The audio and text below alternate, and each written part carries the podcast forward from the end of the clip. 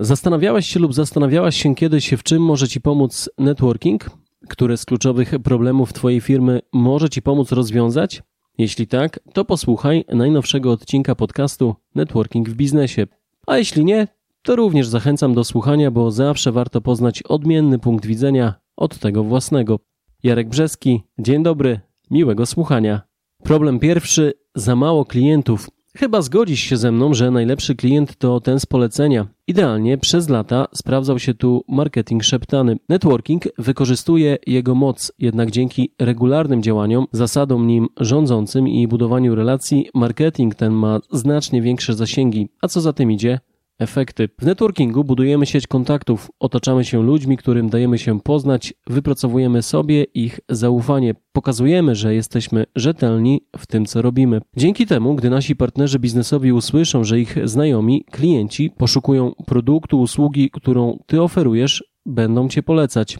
Dlaczego? Bo cię znają, darzą cię zaufaniem i uważają, że jesteś godny polecenia. Zyskują trzy strony takiej psychologiczno-biznesowej transakcji. Ty zarabiasz, partner zyskuje wdzięczność, jego znajomy, klient ma dobrze wykonaną pracę. Problem drugi wysokie koszty utrzymania działalności. Jeśli zbudujesz szeroką sieć kontaktów, na pewno znajdą się w niej Twoi dostawcy czy usługodawcy, których znalazłeś, znalazłaś właśnie przez polecenie. Dzięki temu, że są to rzetelni i sprawdzeni kontrahenci, masz pewność, że dana usługa wykonana zostanie solidnie i terminowo. Nie będziesz musiał czekać na poprawki lub, co gorsza, ponownie komuś zlecać tego zadania. Dodatkowo, korzystając stale z tych samych źródeł, możesz negocjować lepsze ceny. Problem trzeci brak czasu.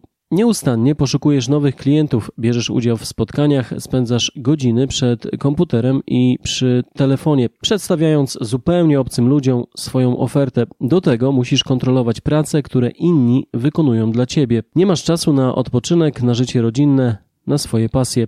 Jednak gdy przeanalizujesz dwa wymienione wyżej punkty, zauważysz, że w każdym z nich kryje się oszczędność czasu. Uprawiając networking, czyli budując swoją sieć kontaktów w oparciu o marketing rekomendacji, nie musisz szukać klientów z tak zwanych zimnych telefonów czy zimnych maili. Otaczając się ludźmi wszelkich branż i zainteresowań, możemy zapewnić sobie i swojej rodzinie lepszą jakość wolnego czasu. Maciej Świerczyński podaje przykład znajomego, którego syn bardzo lubił pewną rozgłośnię radiową. Któregoś razu wspomniany tata zrobił dziecku niespodziankę i zabrał go na wycieczkę właśnie do tego radia. Chłopiec mógł zajrzeć do radiowej kuchni i obserwować, jak powstaje program na żywo. Było to możliwe dzięki sieci kontaktów, z której skorzystał pomysłowy tata. Miał on wśród swoich partnerów biznesowych osobę, której znajomy pracował w tym radiu. Wystarczył jeden telefon, a syn otrzymał niezapomniany prezent. Czas, który razem spędzili, miał niezwykłą wartość, był wysokiej jakości.